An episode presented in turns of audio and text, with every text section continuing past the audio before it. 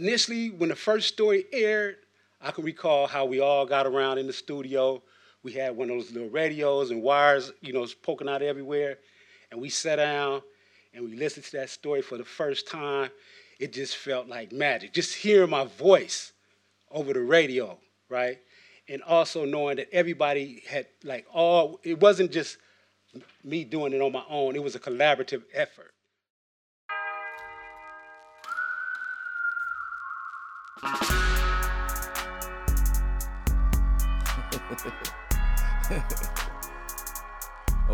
Du hører på Røverradioen. Norsk fengselsradio.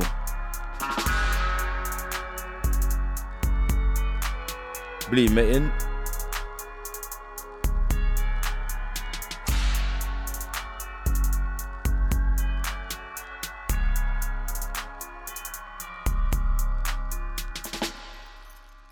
Velkommen til Røverradioen. Maiken og Nina i studio, og vi sender fra Røverradioens studio på utsida. Det stemmer. Og som alltid har vi det hyggelig. Det har vi. Og vi føler oss jo ganske spesielle som driver med fengselsradio, men vi er jo ikke aleine om det. Nei, for fengselsradio lages jo over hele verden, fra Polen til Trinidad og Tobago. Og alle gjør det på ulike måter og under veldig ulike forhold. Men likevel er det å drive med fengselsradio noe helt eget, både innafor radio- og podkastbransjen, og også overfor fengselssystemene i de forskjellige landa. Og vi veit jo godt hvorfor vi liker å holde på med røverradio, men åssen er det for folk fengsla i andre land? Hvorfor gjør de det, og hva gir det dem å holde på? Ja, og hva er egentlig Hva er det egentlig med fengselsradio som fenomen, og hvorfor har man det i så mange land? Heng med i sendinga, så får du forhåpentligvis litt svar.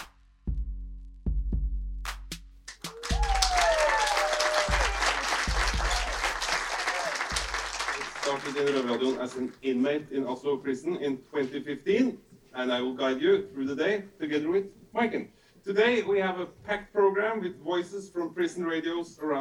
I juni i år var Røverradioen vertskap for verdens aller første internasjonale fengselsradiokonferanse, og den gikk av stabelen på Lillestrøm av alle steder. Here to kick off this event uh, are Kim Erik Haugen, who is the Director of International Cooperation. Wait for it now.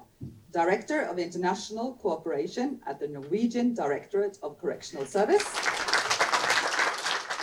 No, but dear colleagues, dear friends in Norway, outside Norway, I know that um, I call it Team Røverradioen. They have worked like dogs. Der deltok både ansatte og tidligere innsatte, og til og med noen nåværende innsatte, blant annet vi. Ja, og de tidligere innsatte fra USA blei helt gølva av at vi faktisk hadde fått perm for å være med på denne konferansen. Ja, det var helt uhørt der de kom fra. Absolutt. Og du, Nina, du sto jo for konferansens kulturelle og musikalske innslag, du. Det var både modig og innmari fint. Uh, so well done. This is a little song that I wrote after I came to prison.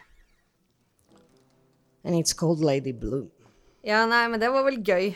Men, eh, men så måtte jo Jeg var så stressa. Jeg måtte jo bare løpe tilbake til Bredtvet igjen så fort jeg hadde spilt. Så jeg eh, fikk jo ikke møtt noen av disse folka. Men du var jo konferansier og greier. Åssen syns du det var å møte dem?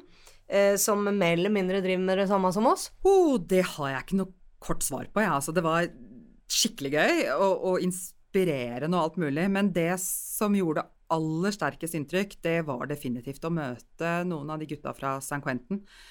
Som for eksempel Tommy Shakur Ross, som hadde fått prøveløslatelse etter nesten 40 år. Wow. So first of all, I want to say uh, yeah, my name is Tommy Ross, but Shakur is who I am. Shakur means thankful, grateful, appreciative. So I'm so grateful and appreciative to be standing for you today as I was recently paroled from San Quentin on April 27th of this year after serving 36.7 years. So Og at han kom til Norge med fotlenke omtrent rett fra fengselsporten. Og sto der og reiste seg i en diger forsamling på andre siden av kloden og snakka så velformulert og klart om sin erfaring. Jeg kjenner at jeg blir bevega bare av å fortelle om det. Det var, det var helt spesielt. Ja, det, han var en helt utrolig fyr. Jeg traff ham jo dagen etter uh, på, på, Ja. på rådhuset.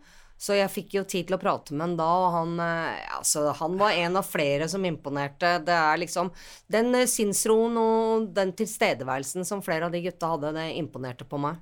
Ja, det gjorde det, ja. altså. Og jeg var jo så heldig at jeg fikk snakka litt med dem om at det har tatt tid å komme dit. Eh, Ja. Det er eh, Ja, nei, men det var sterkt, altså. Det var det. Ingen fengselsradio uten innsatte. Og ikke denne sendinga heller.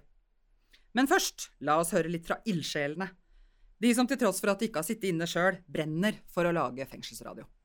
Ja, og da må vi jo bare starte med en helt spesiell fyr. Ja, du tenker på Phil? Ja, Phil Maguire, OBE? eh, ingen mindre og ingen ved siden.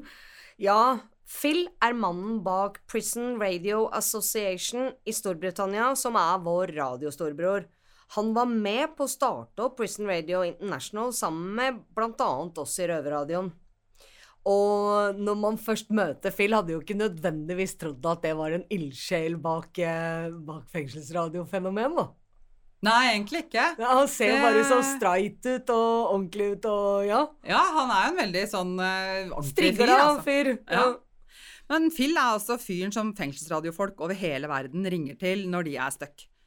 Og i 2019 blei han faktisk utnevnt til The Most Excellent Order of the British Empire, Uh. altså den britiske imperieorden, for den jobben han har gjort og fortsatt gjør for fengselsradio i Storbritannia. Ja, så det blir eh, i Norge som å få kongens fortjenestemedalje, det da, kan man si. Ja, omtrent. Ja, men vi huka tak i denne smarte fyren vi på konferansen og spurte ham hvorfor han syns fengselsradio er viktig. Um, I think it's important for lots of reasons. I think it's a the, most basic point of prison radio is that it's such a simple idea. It works well because it's a simple idea, and it does lots of things. People who live in prison have a real need for connection, for community, for information, and for support. And prison radio is a unique way that you can deliver that to everybody and give them a voice. You can make them feel included in a community. You can give people in prison the opportunity to tell their own stories in their own words in a way that will impact themselves, but in a way that will impact anybody listening. Mer fra Phil skal vi høre seinere i sendinga. Men det er ikke alle som er så heldige som Phil, som har fengselsradio som fulltidsjobb. Det er mange som jobber med dette på mer eller mindre frivillig basis, og man kan jo spørre seg hvorfor de gidder. Ja, det er et godt spørsmål. Lurer du på, du òg? Ja, men vi får jo bare takke for at det er folk som gidder. Eh, på konferansen så la jeg merke til en litt sånn rocka dame med kort rosa hår som eh, så jævla kul ut. Og det viste seg at det var Heather Anderson som driver med fengselsradio i Adelaide eh, i Australia. Ja, og hun har faktisk skrevet en doktorgradsavhandling om fengselsradioen. Så hun er dr. Heather Anderson. Wow. Yeah. Ja, og det doktorgradsprosjektet fikk hun eh, ideen til etter at hun begynte å jobbe frivillig i en nærradio som hadde et samarbeid med innsatte i et lokalt fengsel. Og mens Heather Anderson var her på konferanse, så besøkte hun også røverstudio i Oslo fengsel. Og da tok røverne David og Kevin en prat med henne om hva som gjorde at hun ville jobbe med folk i fengsel. I, I've never been to prison. I don't have any family who've been to prison.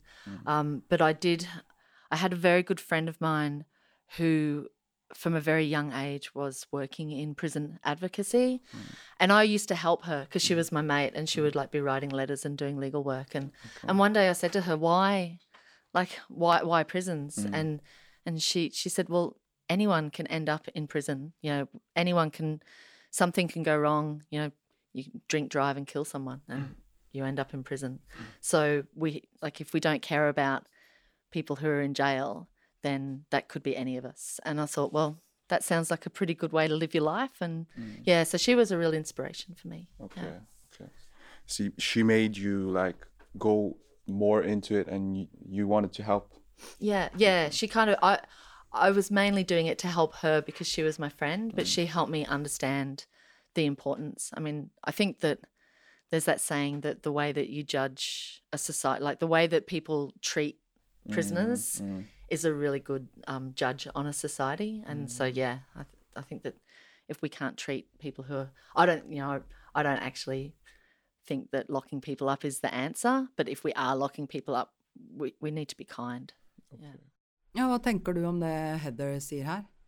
Jeg tenker meg helt enig, og jeg tenker at hun har et veldig viktig poeng med nettopp det at det, å tråkke feil og det å havne i fengsel, det kan faktisk skje hvem som helst, og ingen av oss veit uh, hvordan vi reagerer i en gitt situasjon før vi faktisk kjenner på kroppen sjøl hva, hva, som skjer, ikke sant. Ja. Så, og det tror jeg er lett å glemme for folk flest, uh, sånn til det, i det daglige. At, at, liksom, da blir det også dem, og, og faktum er at uh, vi er bare mennesker alle sammen. Ja.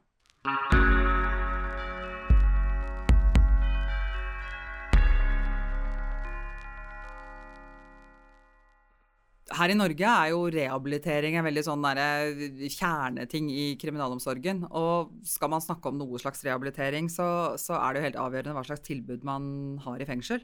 Ja, det er det. Og det er jo ikke så veldig mange, spesielt ikke på kvinnesida, da, noe særlig gode tilbud. For meg, i hvert fall personlig, så var jo Røverradioen det ene dagen i uka og det ene lyspunktet jeg hadde i, i fengselstilværelsen de tre åra jeg satt på høysikkerhet. da. Mm. Ja, I mange mannsfengsler så er det jo ganske vanlig med verksted og kroppsarbeid og sånn, både som, som vanlig sysselsetting og også som sånn utdanningsprogrammer. Og gutta i Oslo lurte derfor på om Heather hadde gjort seg noen tanker om åssen radiojobbing er for de innsatte sammenligna med de mer fysiske arbeidstilbudene. Yep. I think I think that one of I think one of the main difference with prison radio is that it it gives that voice on the outside as well.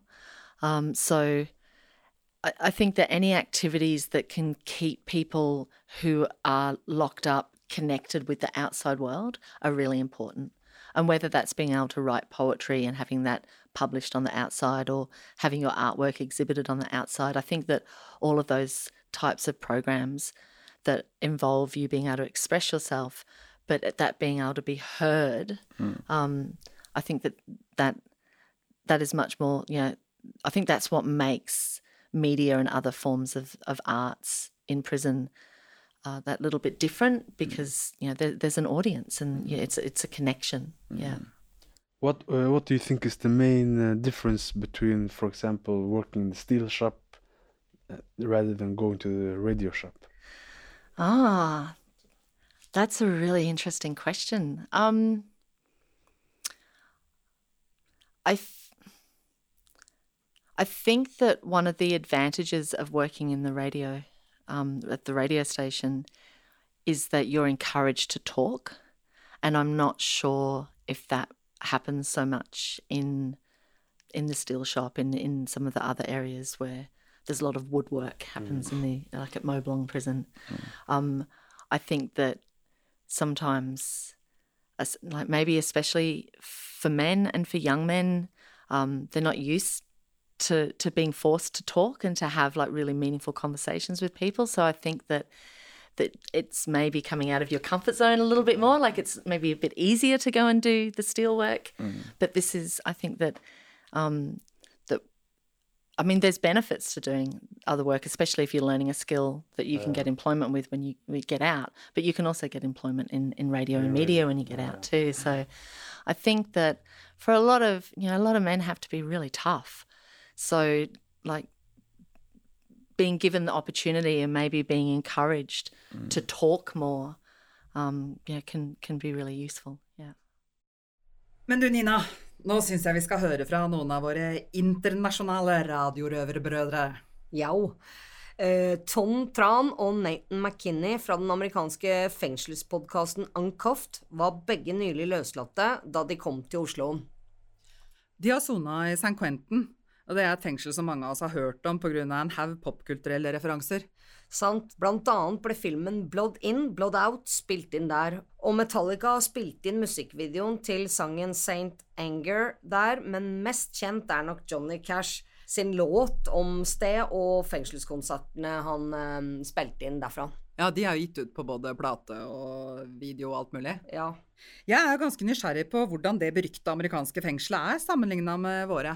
Og det skal vi straks få svar på. For gutta fra Uncuffed fikk lov å komme inn i Oslo fengsel, selv om det var ganske kort tid siden de begge hadde sluppet ut fra veldig lange dommer. Ja, og for dem må det absolutt ha vært rart å komme inn i et uh, fengsel igjen, tenker jeg. Um, Gutta i Oslo fengsel, røverne David og Kevin, uh, spurte så klart um, våre internasjonale gjester om uh, hvordan de syns det virka i Oslo fengsel, sammenligna med der dem kom fra. one thing that's like the opposites about like a California about San Quentin specifically and this prison is that here at this prison everything looks so pretty and mm. shiny and you know what I mean? The floors are platinum and I'm like whoa mm. right? But then the way y'all are like isolated for 22 hours a day that's like that's mind blowing like horrible. Mm-hmm. And San Quentin's like the complete opposite. Like it's the old shitty prison. You know what I mean? It's mm. like it looks like a castle mixed with barbed wires, and it's mm-hmm. like dingy, and the, there's holes in the roof. Like there's pigeons on the tier. with, like it's with gargoyle uh, statues uh, uh, yeah. around in the laundry, right? Like, Like, the, the Gothic, building, yeah. right. The building is so crappy, but then they give us a lot of opportunities in there. Mm-hmm. And I'm talking about before COVID, we mm-hmm. had a lot of opportunities at San Quentin. So it's like we're the opposite. Whereas like here, it looks nice on the outside, but y'all not really getting treated that nice on the inside. And San Quentin, where it looks really dangerous and bad on the outside, we get treated a little bit better. You know what I mean? Most definitely. Ja, eh, men jeg lurer på hva som eh, egentlig gjør innholdet i St. Quentin så mye bedre. Du, jeg var så heldig at jeg hadde Nate eh, til bords eh, på middagen etter eh, konferansen. Og da fortalte han ganske mye om det, om, Ja. om hvordan det var inne. Men nå skal du også få høre litt hva Nate sier. I would say San Quentin was the equivalent of a university, if if I may, if I can be um, use that type of language, because before um, I was doing time in other prisons, and it was somewhat limited for self help groups, the education, vocation, and things like that. But when I came to San Quentin, it was an explosion. It was a culture shock.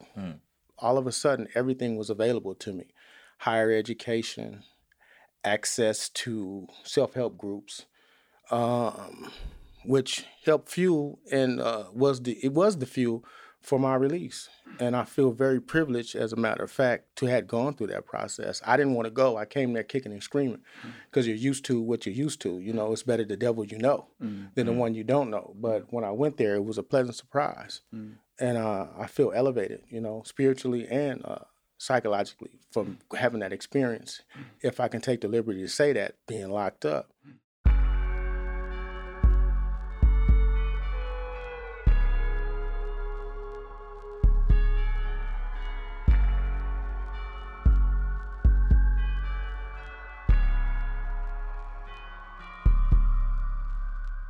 Men du Nina, åssen hadde det seg at du starta med røverradio? Jo, du, det var sånn der psykisk helse da, for nesten eh, nøyaktig tre år siden nå, da. Eh, på Bredtvet, eh, fengsels- og forvaringsanstalt, som jeg deltok i. Og der kom, vet du, Mina og, og Martine. Og pitcha fengselsradio til meg, og jeg var litt sånn «Øh, Kanskje nei, dette passer vel ikke, det går jo ikke for seg, og litt sånn. Men så overtalte de meg da, til å komme ned og titte, og når jeg først hadde gjort det, så var jeg jo hekta fra første Første time. Nei, det var ingen vei tilbake. Eh, ok, du nevner Mina og, og Martine, men for de som hører på, som eh, kanskje for, for, til glede for nye lyttere Hvem er Mina og Martine? Mina er altså lederen, eller sjefen i Røverradioen, og instigator, hun som starta opp Røverradioen. Og Martine er sidekicken og redaktør. Kort fortalt. Men du da, Maiken, hvordan kom du inn i fengselsradioen? Du, jeg visste faktisk om fengselsradioen, eller om røverradioen, eh, før jeg kom inn. Eh, og så har jeg drevet litt med sånn eh, nærradio lokalradio fra før. Sånn at uh, i min krets da, så var det ganske mange som tipsa meg. Om, ja, du, når du kommer, Der er det noe som heter Røverradioen. Jeg vet om det er sånn, Du må snakke Ja, med Røverradioen. Ja, uh, og det hadde jeg jo tenkt på sjøl òg, så jeg, det var noe av det første jeg gjorde når jeg kom. Jeg veit at det er noe som heter Røverradio. Kan jeg få møte opp? Hei, hei, jeg vil Ja, være med. ja. Jeg har hørt om dere. Ta meg, da. Ta meg, da. meg, Du var litt ja. der, ja. Ja, ja. Eh, ja, eller egentlig så, var jeg, så tenkte jeg liksom at jo før jeg formelte meg på Røverradioen, jo, jo, jo før jeg liksom fylte opp et eller annet istedenfor å sitte på den systua. Ja, Mm. Mm. Ja, ja. Også Godt- du, godt- godt tenkt og et godt valg, Maiken. Og siden, og siden har jeg liksom ikke sagt punktum. Nei. Blablabla. Men uh, jeg lurer uh, på hvordan uh, Ankaft-gutta endte opp med å lage radio, jeg. Eh, og jeg, og for mange var vel det sikkert et stort steg. Can I ask how did y'all get introduced to prison radio? If I could start with you, Nathan. Well, um, a cat named Anthony Scott asked me. We were in class one day. He said, "Man, you gave a pretty good speech. You ever think about doing radio?" And I thought he was high. And he said, "I was like, like, like, no, um, I haven't done." He still asked me to come down to uh, the media center. The media center in San Quentin. That's where the newspaper, the TV, audio, and the video was taken care of. I was like, "Well, I know where it is," and it, it's a bunch of eggheads that hang around there. So you know what I mean. I didn't. I wasn't too. It wasn't too much of too appetizing. But when I went down there, and I seen what was going on, I said, "This is the medium I want to be a part of." Mm. And when I first heard my story, I felt elated. I felt, you know, uh, I felt apart. You know what I mean? Instead of apart Mm. from society, Mm. and it gave me a way to contribute and give back and to heal. And it was a good process. That's how my first introduction was, and Mm. it was a healthy one. And it was a good one. I've been doing it ever since. Mm. And you, Tom? For sure. Real quick, I just want to say I love Nate. I love doing radio with him. You heard? I don't know if y'all heard that, but he said I felt like I was a part and not a part. I'm just saying that, hey, like doing radio with Nate is a pleasure because I feel like he, he does mic drop moments all the time. Yeah, yeah, yeah, yeah. I love doing radio with Nate. When he went, so Nate went home before I went home, and I was I, like I was happy, but I was sad. I was Yeah, like, I know what you radio ain't gonna be the same in Yeah. prison no more. Yeah. But real quick, uh, to answer your question about how I was introduced to radio, so I had a I had a real close friend named Shanton Bun. Right, he's a Cambodian. He's an immigrant, and uh, one day he we was on the yard. I just got to San Quentin at this time, fresh on the yard, and I'm like, man, what I'm gonna do here? He's like, hey man, you want to go talk some shit on radio? I was like, what? He's like, yeah, but they got a radio program. We can go on there and just talk some shit.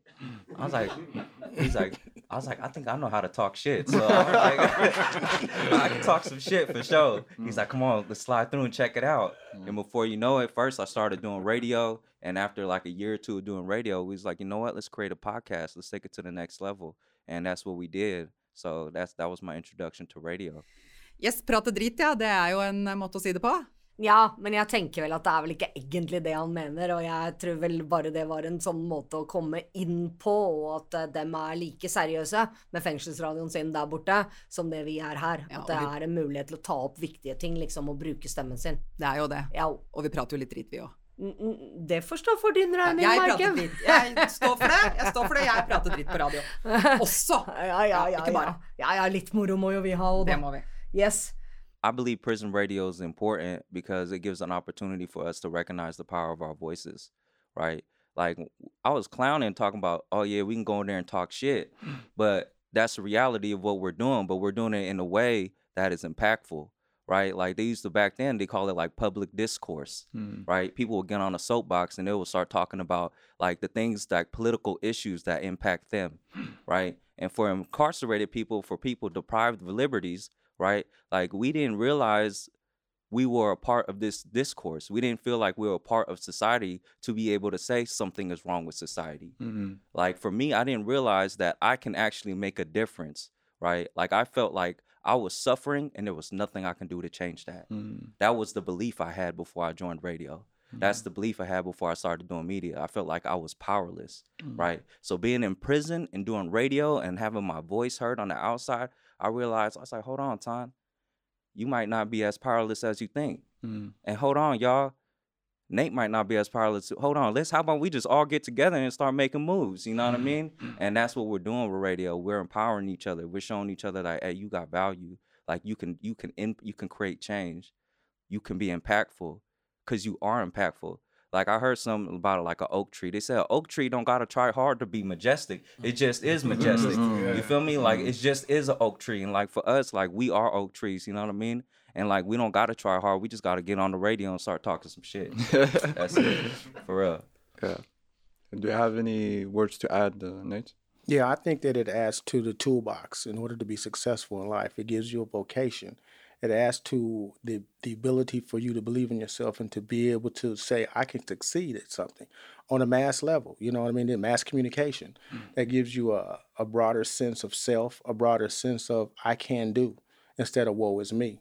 And it enables me, it enabled me to become what what I, free, you know, free of mind, free of spirit, and to have the belief in myself that I can accomplish anything, and it can do the same for anybody It's transforming. And uh, what you said, well, you said it quite well. Uh, it gives you to say that I'm not powerless. I can be powerful, and I can speak words. I can speak words into action and action into words.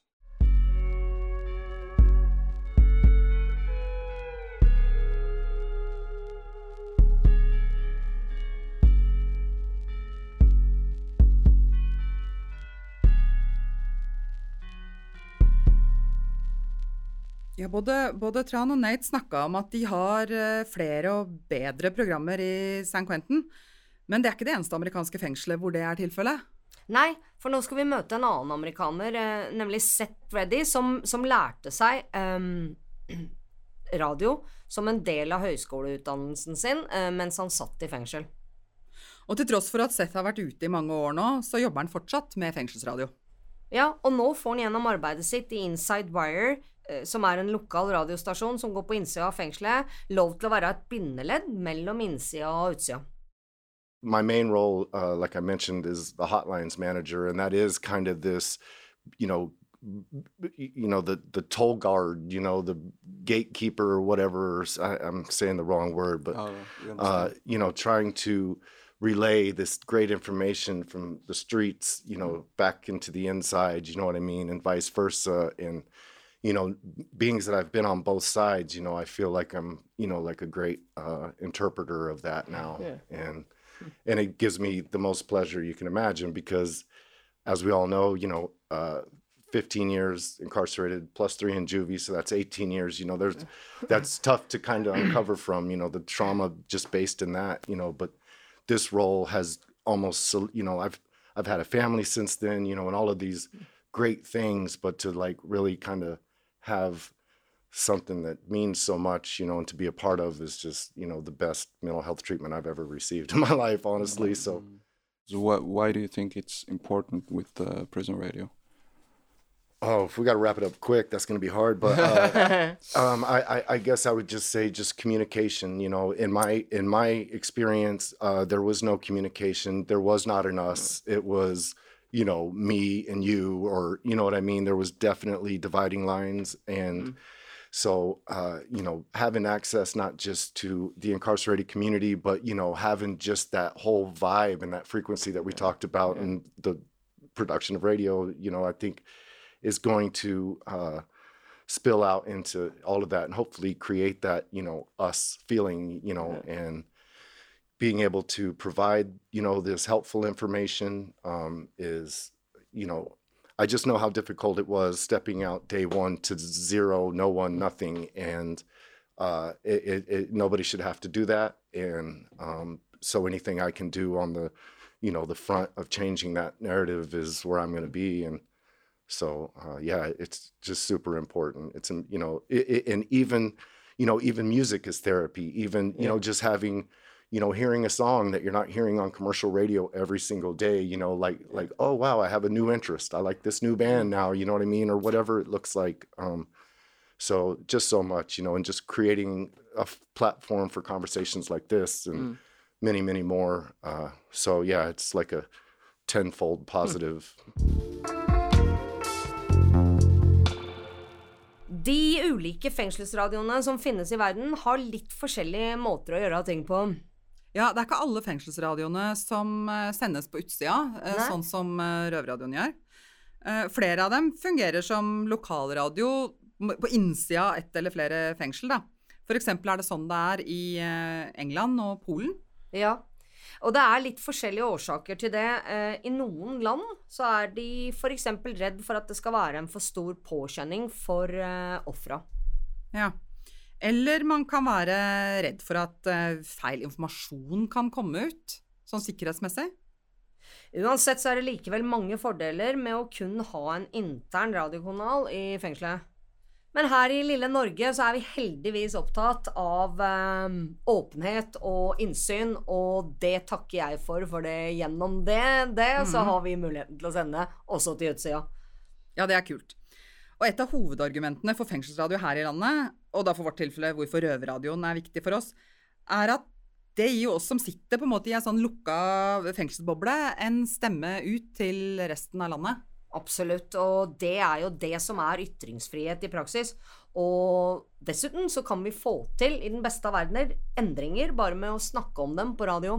Ja. En ting er jo at det er bra for oss på innsida med åpenhet, men er det viktig for folk utafor fengselet å få med seg hva som egentlig foregår på innsida? Da spurte vi Phil Maguire igjen, vi. Eh, han som du hørte fra helt i starten. As we've heard at the conference today, prisons are a part of society and they're not, or they shouldn't be, seen by people as separate. And I think that prisons are paid for through the taxes that people pay. And so everybody should have a stake in how their prisons are run, um, how efficient they are, how effective they are at doing the things they set out to do. And I think running through all of that is the importance of, of giving information to people in society about how prisons are run. I think that, that's, that's what's important about transparency in prisons. Ja, for det Phil snakker om her, er jo bare en annen side av det som, som Nate og, og, Trans snakket om, det å være a part of society og ikke apart from society. ikke sant? At, ja. at fengselet er en del Altså av en del av samfunnet, og ikke bare vekk fra samfunnet. Nei, ikke sant. Så det er jo kjempeviktig for, eh, for folk eh, å, å vite hva som skjer på innsida av fengselet. Ja, så det er jo penga Ja. deres. Er det må dette jo skattepengene se- mine se- går til? Må jo se hva penga deres går til. Og så dessuten så har man jo igjen det med ytringsfrihet, da, som er eh, kjempeviktig for oss innsatte. Ja, og Ton fra en Køft, han sa noe eh, bra om det. I strongly believe that we have been incarcerated people. We have been marginalized. We have been oppressed. We have been, everything has been stripped from us, many of us from childhood.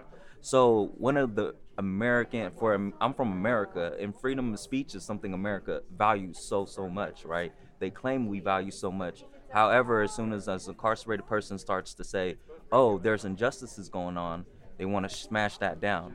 And without the ability of having freedom of speech, especially as an incarcerated person, it allows for injustices to continue on, right? And examples and have shown time and time again, in especially California prisons, is that when we've been able, we as an incarcerated people and formerly incarcerated people, when we've been given the opportunity to speak and exercise freedom of speech, good changes happened.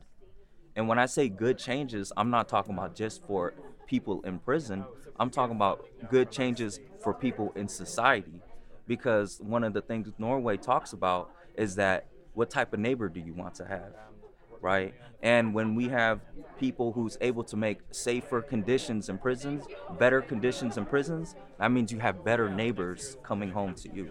So everybody's affected, and that's why freedom of speech is so important.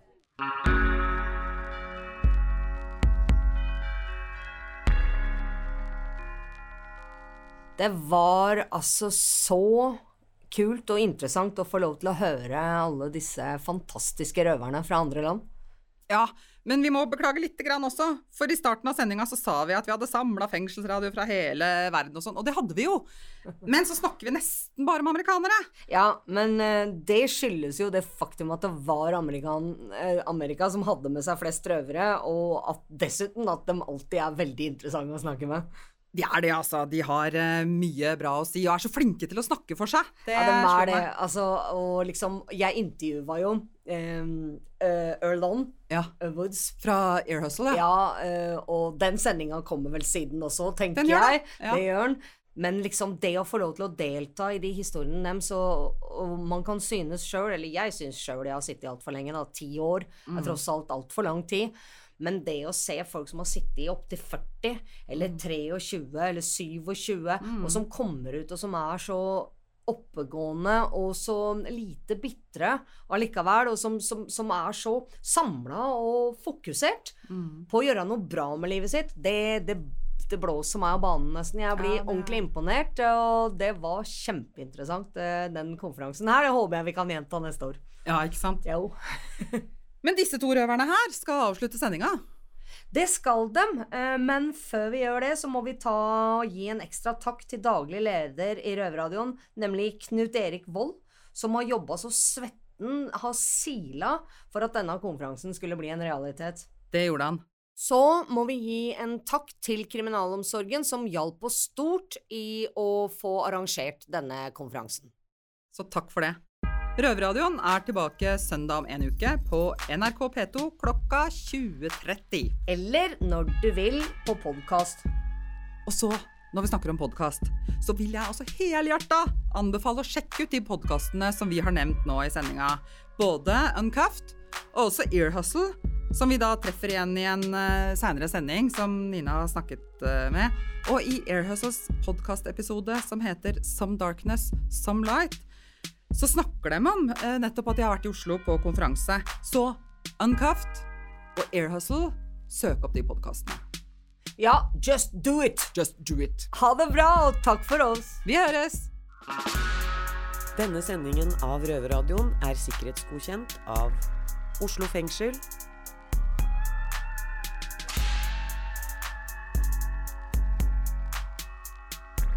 Musikken er laget av Trond Kallevåg. Røverradioen er en veldedig organisasjon som er avhengig av din støtte. Følg oss på Instagram, Facebook, Twitter eller gå til røverhuset.no og finn ut hvordan du kan støtte Røverradioen.